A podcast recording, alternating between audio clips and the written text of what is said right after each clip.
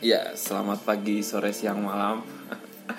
Sekarang cuman gua doang sendiri nih eh, bersama Didit di podcast sekarang. Ditemenin ada teman salah satu teman gua dari universitas lain sebenarnya. Nggak tahu dari mana kenalnya dari mana tiba-tiba kenalan aja. Temennya temen. Temannya teman temannya Danis yang kemarin podcast. Oh Danis kemarin podcast? Pernah podcast. Oke. Eh iya kalau nggak salah pernah. Terus eh, ini temannya Danis namanya Hafiz. Coba perkenalkan dulu oke nah, nama gue Hafiz. Eh, gue jurusan teknik elektro Maranata saya seorang ya gue seorang eh, mahasiswa abadi. Belum lulus berarti? Belum. Oh, fotografer.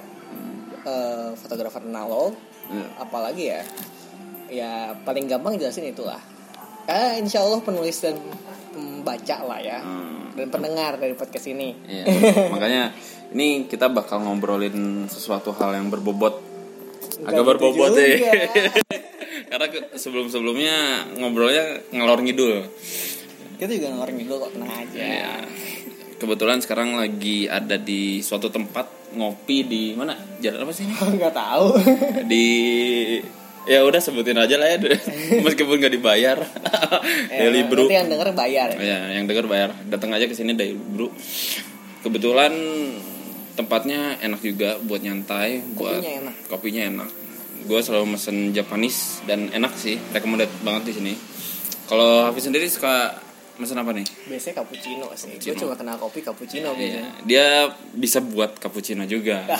Enak. Sederhana sederhana aja. Yang bagi teman-teman yang suka ngopi juga bisalah datang ke Daily Brew. Search aja di Google pasti ada. Di sini ada rotinya makanannya juga enak. Murah lagi ya? Murah. Kebetulan sekarang udah jam setengah tujuh. Bakal bahas sesuatu hal yang menarik lah dalam segi sisi kehidupan ya sisi kehidupan sisi kehidupan. Ngomong kita mau bahas apa nih, Bis? Karena biasanya kalau di podcast-podcast lain atau di tempat lain tuh eh, pembawa podcastnya yang punya topiknya. jadi gue yang harus bawa. Iya, kalau ini dibalik. Narasumber yang harus punya topik. Oke oke oke. Gue gue gue kuliah teknik elektro banyak menghadapi masalah-masalah ya, data lah ya. Gue banyak TA gue kebetulan tentang eh, deep learning. Tapi gue gak pengen bahas data duluan sih. Gue pengen bahas hasil yang depannya dulu. Gue gue hari ini hobi gue motret pakai kamera analog Hmm. dan juga gue eh, koleksi kaset-kaset zaman-zaman dulu gitu kaset jazz kebanyakan jadi gue ngerasa kayaknya ini mulai hip ya Iya. ngoleksi-ngoleksi barang masa lalu gitu Masa kayak lalu. kayak vintage eh, kayak kayak kayak piringan hitam dan apa gitu. Itu udah dari kapan ya? Semenjak gua kuliah juga udah udah mulai tuh. iya gitu kayak Piringan hitam segala macem. biasanya banyak yang suka hunting tuh di Iya, Cikapundung biasanya atau Cikapundung. pasar Santa Hmm. jadi pertanyaannya kenapa ya Karena nggak tahu juga. Gimana gimana? Jadi em, kalau kita lihat di well, beberapa artikel internet itu bilangnya mereka tuh jualan nostalgia, Hmm. jualan rasa sentimental masa lalu yang kita miliki. Iya iya. Tapi menurut gue pada kenyataannya nggak selalu gitu sih. Kadang banyak yang cuman pengen gaya juga kali. Iya iya, karena ya kita kan generasi milenial ya. Iya. Kalau milenial kita tuh bisa bisa jadi berhubungan langsung sama barangnya. Misalnya gue waktu kecil gue dengerin kaset, Ah. Gue seneng kaset. Iya. Ketika gue beli barang itu sentimental nostalgia gue yang disentuh. Ah. Tapi gimana sama anak-anak yang lahir tahun 2000-an? Iya. Itu generasi Z Generasi Z. kayak gitu. Em, menurut gue yang kena tuh nggak selalu sentimental value ketika kita mainin barang-barang retro, Hmm. kayak baju-baju retro yang mulai sekarang hip ya. Iya. Jadi eh, menurut gue lebih dari sekedar, lebih kompleks daripada sekedar sisi nostalgia doang. Jadi eh, apa ya? kan mereka tuh sebenarnya nggak pernah nyentuh kan misalnya anak yang anak-anak yang lahir 2000-an Hmm. mereka tuh terpengaruh sama kita gitu Iya, ngomong kayak zaman pastinya. dulu dengerin kaset denger wah dulu tuh pakai disket cuy Iya. gitu, gitu, gitu, semacam gitu terus apa sih yang membuat mereka terpengaruh hal kayak gitu Mm-mm. menurut gue sih ya Hmm. menurut gue pribadi itu tuh karena kita tuh punya suatu kekosongan ya sulit didefinisi oh. Jadi apa ya? Kekosongan dalam hal apa nih? Karena gini ya sekarang teknologi begitu memudahkan kita. Ya menurut gue itu banyak ngekat eh, hal-hal yang secara natural ter- harusnya terjadi. Oh. semacam Hmm. gue beli beli kaset. Gue gak, gak selalu datang ke tempat beli kaset. Hmm. Gue sekarang beli online. Oh iya, kalau dulu tuh kita sistemnya datang ke kayak di Stara gitu ya, nyari Eh, Aquarius. Aquarius. Kalau di Bandung Iya. Aquarius ya. Oh, itu nyari dan penuh tuh. iya dan penuh. Sekarang udah bangkrut. Iya, udah nggak ada ya. udah gak ada. Itu kayak proses-proses itu tuh banyak dikat. Mm-mm. kayak semacam apa lagi ya? PDKT cuy. Mungkin kita suka eh mungkin bukan kita lah ya. Mungkin generasi atas kita suka ngomong kok anak zaman sekarang pacarannya cepet ya Iya, iya, iya. kok ini bisa bisa langsung ketemuan bisa langsung apa ya langsung SMS-an gitu karena zaman dulu nggak ada Iya, dulu lu pas SD pernah pacaran nggak? enggak Oh, enggak ya. Tapi kalau seingat gue sih waktu dulu pacaran via misalkan HP yang sangat jadul yang 8310 Nokia. SMS-an ya SMS-an. Tapi SMS-an eh, romantisan pas ketemu jadi musuhan. Rata-rata Iya, kayak iya, gitu kan. kayak gitu. Tapi Karena- sekarang udah beda banget ya. proses kita menjalankan sesuatu tuh udah banyak berubah banyak yang dikat Iya. kayak zaman dulu harus telepon telepon Nah. mastiin kayak ini yang ngangkat dia bukan ya Iya benar-benar. Apalagi kalau pakai telepon rumah. Benar-benar benar-benar. ngecek yellow pages gitu Iya. yellow pages masih ada kagak Kayaknya masih deh, tapi udah online sekarang. Udah Udah online. online. Jadi- iya sih.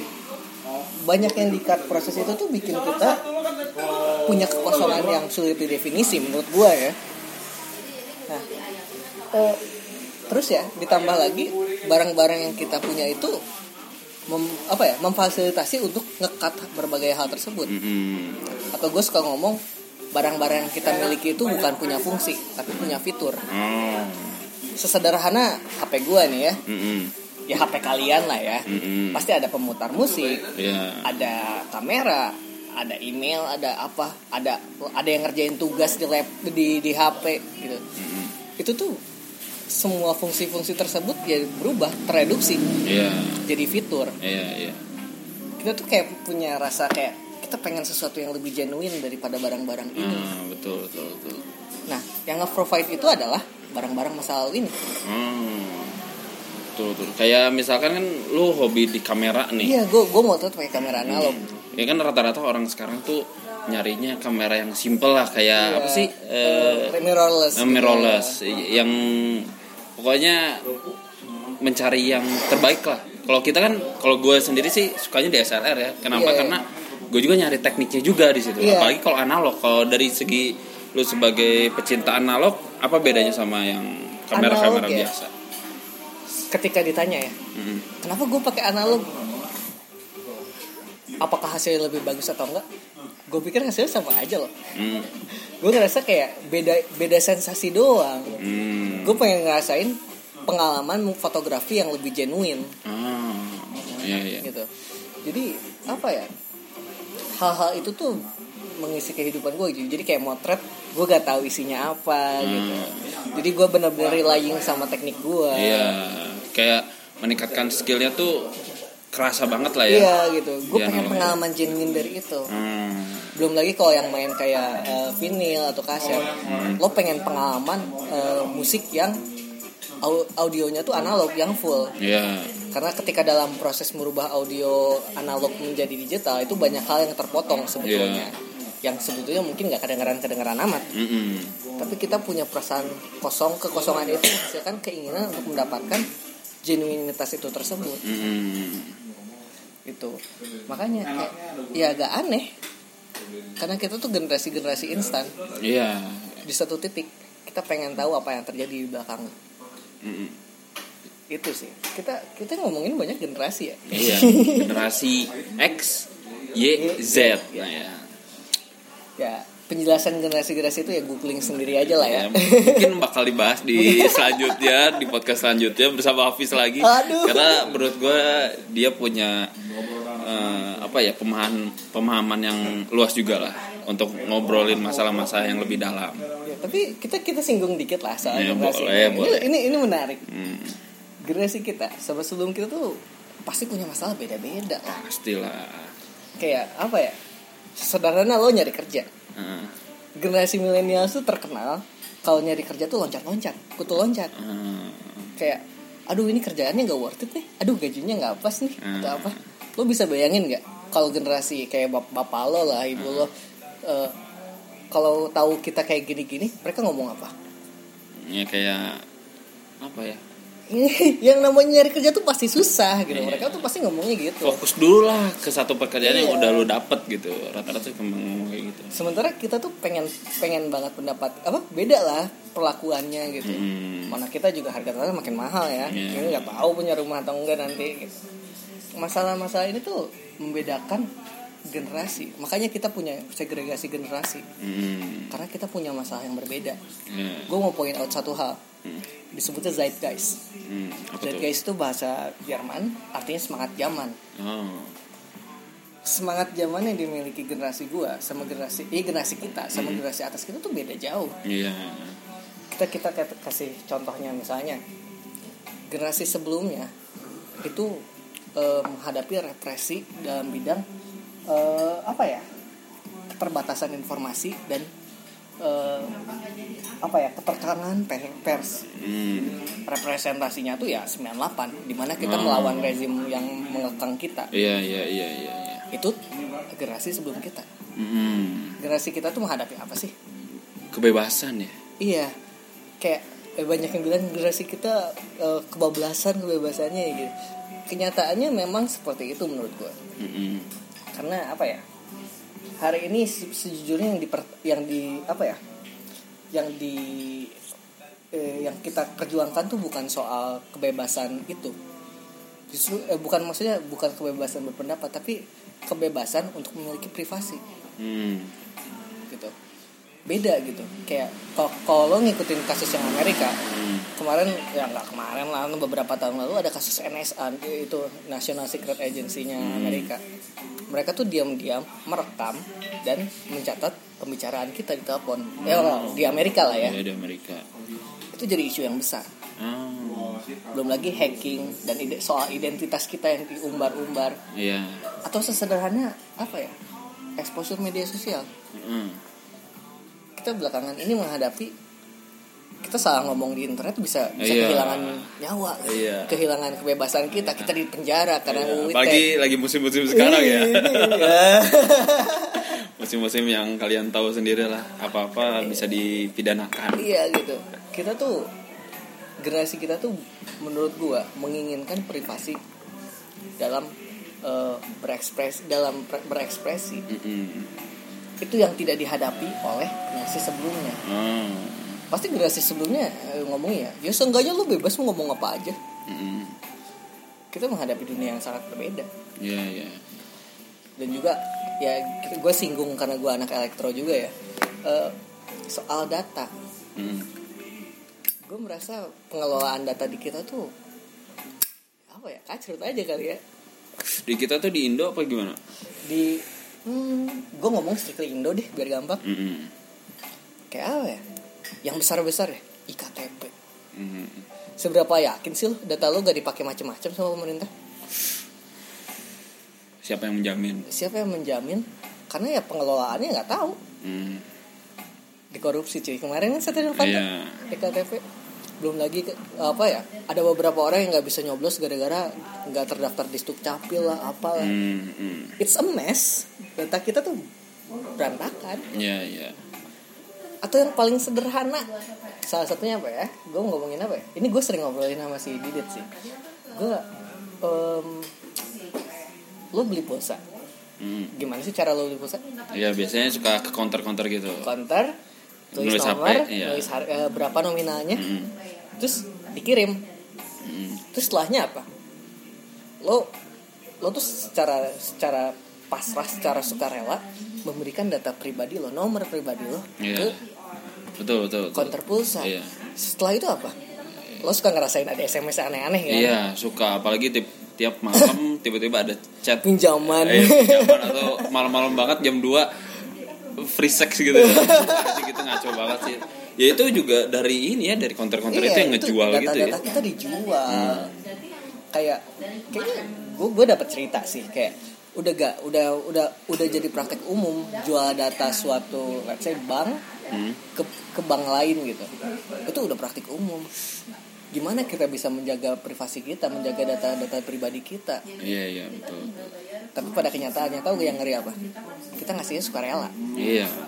Secara nggak sadar juga sih. secara nggak sadar kita ngasih sukarela menurut gue ini berbahaya bisa jadi kita diteror kita Iya. diikutin atau something kayak ngomongin diikutin aja gojek lo ngasih semua data lo Mm-mm.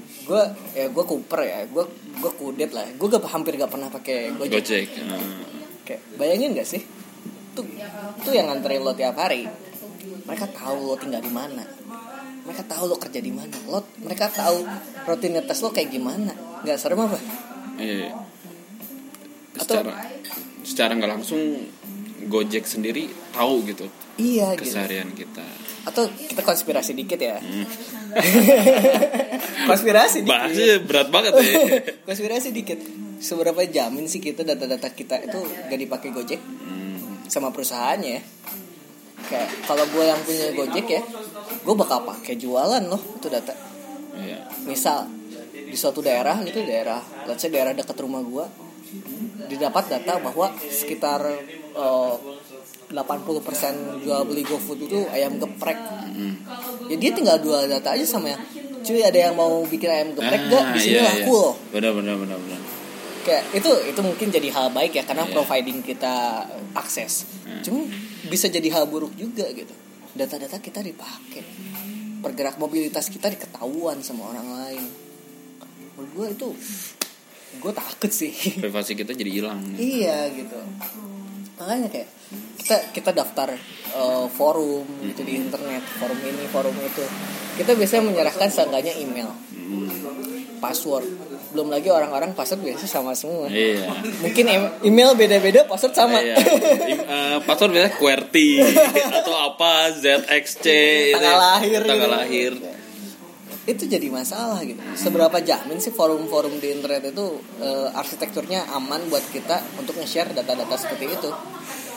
Tapi ya gimana lagi kita juga nggak bisa apa ya nggak bisa. ketinggalan zaman ya, iya, kalau nggak nggak bisa ngikutin. menampik lah. Antara kita mau daftar segala macem ya pasti kita relain data pribadi juga. iya makanya menurut gua ini sistem berantakan sih keterbatasan kita apa pe- pengertian kita mengenal- mengenali data itu kacau dan gua eh, apa ya bisa dibilang partially blame eh, generation before us Hmm. karena mereka mereka sejujurnya mungkin nggak ngerti data Iya iya. iya. mungkin loh ya. Tapi dalam hal ini juga yang udah kita sebutin tentang Gojek bukan berarti kita menjelekkan Gojek ya. gue ngomong gojek supaya ya yang generik, yang aja. Iya. konspirasi banget sih memang itu. Ya maksudnya kita gue pengen ngasih tahu bahwa data-data ini tuh penting. Gue TA mengenai deep learning. Data itu sangat penting. Gue ngelatih komputer untuk mengetahui pola. Iya kayak ngomong-ngomong soal masalah pola, kayak misalkan lo lagi butuh headset misalkan, iya nyari di Google headset segala macam, bla bla bla. Taunya di Instagram feednya ada headset. ah iya itu Iya kan? Kerasa itu, juga itu deep learning Iya. dia menggunakan data kita untuk ngasih ngajarin komputer untuk tahu preferensi kita Iya iya, It- iya bisa dibilang bahaya bisa, tapi bisa dibilang menguntungkan juga bisa. menurut gue bahaya belum tentu Hmm. tapi ketidaktahuan kita yang bahaya Oh. jadi jadi konspirasi konspirasi lagi, Iya, konspirasi Wahyudi. iya beneran gitu kayak ada orang yang kayak aduh oh aduh gimana ya gue takut terlalu politis nih Gak Kalau untuk politis-politis itu disamarkan aja. Iya. Panggil saja Partai Mawar kayak atau apa. Enggak enggak maksudnya kayak eh, ada orang yang misalnya nge-googling eh, kejelekan seorang ter- eh, capres tertentu lah. Googling iseng awalnya iseng. Awalnya iseng. Mm. kayak pengen tahu itu betul atau enggak. Ya hoax atau enggak. Ya oke dicari. Oh ya udah tahu. Nah setelah itu apa? Si Google akan ngasih feed feed ke lo tuh ya bakal isinya ya tentang itu terus. Iya. lo jadi parno antara yang tadinya lu, lu udah fokus banget dengan pilihan lu karena sama Google sendiri sama sistem sendiri by Ngasih- sistem iya. ngasih dampak yang jelek terus lu jadi mikir berseberangan gitu. Iya maksudnya apa ya? Ngerubah ini, ini kemarin jadi kasus di Amerika. Hmm. yang kemarin pemilihan Trump Nah, soal Cambridge Analytica. Jadi dia tuh pakai semacam apps apps gadungan gitu yang kayak nyari apa ya zodiak Hmm. yang yang cocok buat anda. Iya iya iya iya iya. Itu meminta akses untuk ngeliat data pribadi lo. Oh. Di Amerika tuh kayak gitu. Mm-mm. dan data pribadi ini dikembangkan jadi media kampanye. Oh. Jadi misalnya ngejelek-jelekin orang tertentu gitu ngejelek-jelekin golongan tertentu. Oh, bisa sampai kayak gitu juga bisa ya? itu karena data. Karena lo serta merta ngasih data secara serampangan. Iya iya iya. Sederhanain lo pernah baca terms and condition gak kebetulan Lo anak hukum lo? iya. Jangan disebut dong. Kebetulan sih jarang. Karena rata-rata orang yang ingin kayak misalkan pingin buat Gmail deh. Ada kan term and conditionnya? Iya, kita ngeklik agree. Tiba-tiba nggak klik agree karena males Panjang, males. Dan iya. banyak gitu. Padahal di situ banyak klausul klausul klausul-klausul penting juga gitu yang harus kita pahami. Iya kita menyerahkan data kita dengan kondisi yang kita tidak kasih tidak tahu. Lo baca lo baca apa ya namanya? Baca eh, kontrak perusahaan aja serius. Masa yang gitu-gitu kagak? Nah, iya. Itu sih kelemahan dari kita sendiri Iya, yang selalu menilai term and condition tuh ya udahlah yang penting agree. Iya gitu. Cepet. nah itu dia gue bilang tek- teknologinya sendiri gak bahaya tapi behavior kita ketidaktahuan kita yang bahaya Nah, betul betul betul.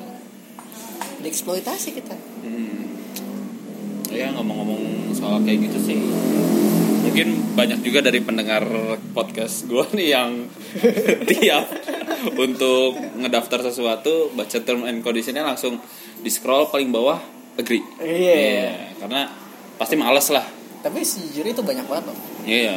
Katanya ada yang baca berusaha baca terms and condition apa ya kalau nggak salah Apple eh Facebook atau apa. Hmm. itu bisa ngabisin berapa hari. Oh iya, saking banyak ya. banyak banget ternyata. Apalagi kalau yang term and conditionnya bahasa Inggris dan kita nggak tahu banget bahasa Inggris, wah itu antara antara ditranslate atau ah udahlah baca banget semuanya gitu kan. tapi ini ya gue dari tadi nggak ya apa ya ngasih gue bikin parno parno kalian emang sorry gue ngasih tahu sisi gelap internet yang gak gelap gelap banget tapi bahaya. Ya. karena ketidaktahuan kalian gitu. Apakah ada cara menanggulangi eh, hal tersebut dengan cara simpel lah? Baca term and condition. Eh, dan kita lebih gimana lebih mengerti lah apa Iya, yang lebih bakal mengerti kita apa gunakan. sih yang terjadi di internet apa sih baga- gimana sih cara sebenarnya ya ngasih YouTube recommendation itu munculnya kenapa sih lo kan kadang-kadang kayak capek gitu reko, apa nontoninnya Atta Halilintar ya Ricis gitu ya karena lu nonton itu terus yang munculnya itu terus Iya iya iya. iya. itu behavior dari dari AI Mm-mm. Ya ada kerugian sama keuntungan sih. Keuntungannya banyak kok. Kayak misalnya untuk kayak Tesla gitu kan bikin mobil listrik Iya. itu untuk supaya bisa nyetir sendiri. Keren nggak tuh? Keren lah, apalagi sekarang udah banyak berlomba-lomba untuk membuat Iya. model seperti itu. tapi ya itu teknologi itu jangan sampai membuat kekosongan banyak di hidup kita kita harus tetap nyimbangin tetap Iya. harus ngerti lah apa yang Iyalah. terjadi di teknologi Karena jangan sampai kita dibodohi juga sama teknologi. Iya. gitu. Karena teknologi sendiri kan manusia sendiri yang buat. iya gitu enggak lah tenang lah robot gak akan ambil alih dunia gue anak elektro berani jamin gak akan Serem juga sih kalau gak udah akan dibantai kayak Terminator gak anjing tiba-tiba keluar Terminator. enggak enggak enggak, enggak akan cuman ya kita harus aware aja sama behavior kita di dunia internet sih Kok jauh banget deh Kita Nah, awal ngomongin nostalgia Nostalgia, sekarang Nostalgia ya. Ya. Biar nge-refresh lagi lah biar gak terlalu serius banget ya. Gua serius banget. Ini kesibukan tiap harinya apa nih sekarang Hafiz? gue nganggur sih. Oh nganggur. Nyusun nyusun nyusun. Jangan nganggur teuing lah nyusun. Nggak nggak gue gue juga lagi lagi aktif di bisnis gue yang barang-barang dagang beat eh, apa apa namanya? Merchandise Beatles. Oh kalau ada yang senang di Beatles ya bisa lah follow at its.anthology iya. atau eh, main ke Instagramnya lah. Iya. Karena Instagramnya dari Hafiz nih bagus juga gitu. Ngeliatin seni fotografi. Apa Instagramnya? At Hafiz GTA kok sekalian promosi ya? Nggak apa-apa flowers gratis. Nah, ya followers gratis dengan followersnya juga sedikit. Masih. Masih. gue beneran nggak nggak nggak nyari followers sih males. Ngomong kita mau bahas apa lagi nih? Gue sejujurnya habis bahasan loh bahas tentang tadi udah konspirasi soalnya konspirasi itu Udah berat ya? udah berat banget sih bahas konspirasi. Kopi kopi kopi kopi. Kopi. Ngomong-ngomong sih eh, kenapa gue milih kopi di sini dan Japanisnya rekomendasi? Karena gue seneng sih ngerasain kopi yang asli itu bukan kopi yang asli ya. Gue juga bukan pecinta kopi yang pro banget lah. Ya. tapi ngerasain kopinya paling enak kalau udah di Japanis kenapa? Ya. karena kadang si apa ya cita rasanya suka beda gitu. Kalau di Japanis tuh. Karena dikasih es itu yang bedanya Ah, tuh. iya sih. Dan juga enak sih kalau panas-panas ya. Iya panas-panas. Kalau di Bandung sih biasanya suka pakai yang anget-anget. V60 gue sendiri yang beda. Kalau di Jakarta mungkin banyak ya banyak. gue gue suka cappuccino karena kopi yang pertama gue kenal cappuccino cuy Hmm. gue senang aja secara filosofis itu cappuccino itu ten- anjing Kayak, berat lagi gimana? Kayak gimana? Iya, filosofi secara bagi gue ya ini gue gak claiming gue expert kopi atau apa bagi gue cappuccino itu soal balance soal keseimbangan Hmm. kayak gue suka sepertiga kopi sepertiga susu sepertiga foam Ah. walaupun ya nggak nggak nggak persis kayak gitu itu itu secara filosofi aja Hmm. jadi yang menentukan cappuccino itu banyak gitu Mm-mm. kayak kopinya gimana dia frotting susunya Mm-mm. gimana supaya penampilannya juga harus oke kan Iya. kalau dari filosofi kopi kan dibilangnya dia kopi paling centil kan ya Ah. Iya sih kalau ngerasain gue sendiri susah sih buat ngerasain cappuccino antara ngebedain cappuccino sama latte. Kenapa? Karena permainan susunya juga ada di situ beda kan. di situ Mm-mm. Susu- kalau latte itu lebih banyak Lebih banyak susunya. gue gue benar-benar suka cappuccino karena keseimbangan itu karena Hmm. ya ya no, filosofis dikit lah Nggak rame ya ini orangnya filosofis banget. Tapi ya bahasannya juga oke lah untuk untuk buat nyantai-nyantai. iya sih pokoknya ngobrol sama gue kayaknya ama- emang agak ribet ya Tapi selebihnya kalau lu mau denger tentang Hafiz kita bakal ya, ya, Ulik aja, lagi. aja. kita ngomongin politik juga seru politik luar negeri lah kalau Janganlah kalau untuk politik sekarang karena bentar lagi kampanye deh. Enggak, udah politik luar negeri aja dalam negeri gak, gak seru Kalau politik luar negeri sejujurnya dari pembawa acaranya nggak ngerti. Nanti ta- takut ketahuan begonya deh. Makanya nanti aja lah kalau itu. bahas yang lain aja. Ngomong-ngomong tadi udah bahas tentang apa aja tadi? Udah dibahas tentang nostalgia masa lalu Mm. tentang teknologi hmm, dan generasi ya terus terakhir kopi ya kopi fotografi juga fotografi ada. ada banyak ya ini, ini judulnya apa nanti judulnya apa ya konspirasi eh, generasi. Enggak kita ya mungkin nanti bahasan untuk judulnya bakal lihat sendiri ya langsung ya mungkin untuk podcast sekarang cukup segitu dulu aja. Perkenalan dari Hafiz sudah tahu lah. Jadinya kalau misalkan ada yang mau request lagi nih ngobrol sama Hafiz langsung komen aja di IG-nya. IG-nya jangan lupa di follow pagi sore siang malam. Pagi sore dot siang malam. Pagi sore dan siang malam. Hmm, kita bakal bahas lagi tentang banyak nih apalagi kalau eh, pada suka konspirasi. Konspirasi bumi bulat bumi datar. Bumi datar, aku Hafiz bulat. kayaknya Hafiz jagoan nih. Mungkin segitu aja dari gua. Eh, untuk nama-nama yang sudah disebut perusahaan itu nggak ada nggak ada maksud untuk menjelekan ya. Tapi kalau mau ngasih sponsor boleh lah. Iya boleh lah. Ya, cukup eh, segitu aja dari gua. Kalau ada salah-salah kata, gue minta maaf. dari Hafiz ada kata-kata penutup Ah, cukup ah cukup Ah, cukup. banyak gue baca tadi Iya, iya, boleh, boleh. Ya segitu aja. Terima kasih semuanya. Semoga ngedengar dan wajib ngefollow ya. Terutama wajib. untuk untuk Hafiz ini udah udah ngefollow belum nih? gue gue lupa udah belum Wah, harus follow berarti. Oke, siap, siap, Harus siap. follow ya segitu aja. Selam- eh, jadi selamat malam. Selamat malam Selamat malam semuanya. Goodbye.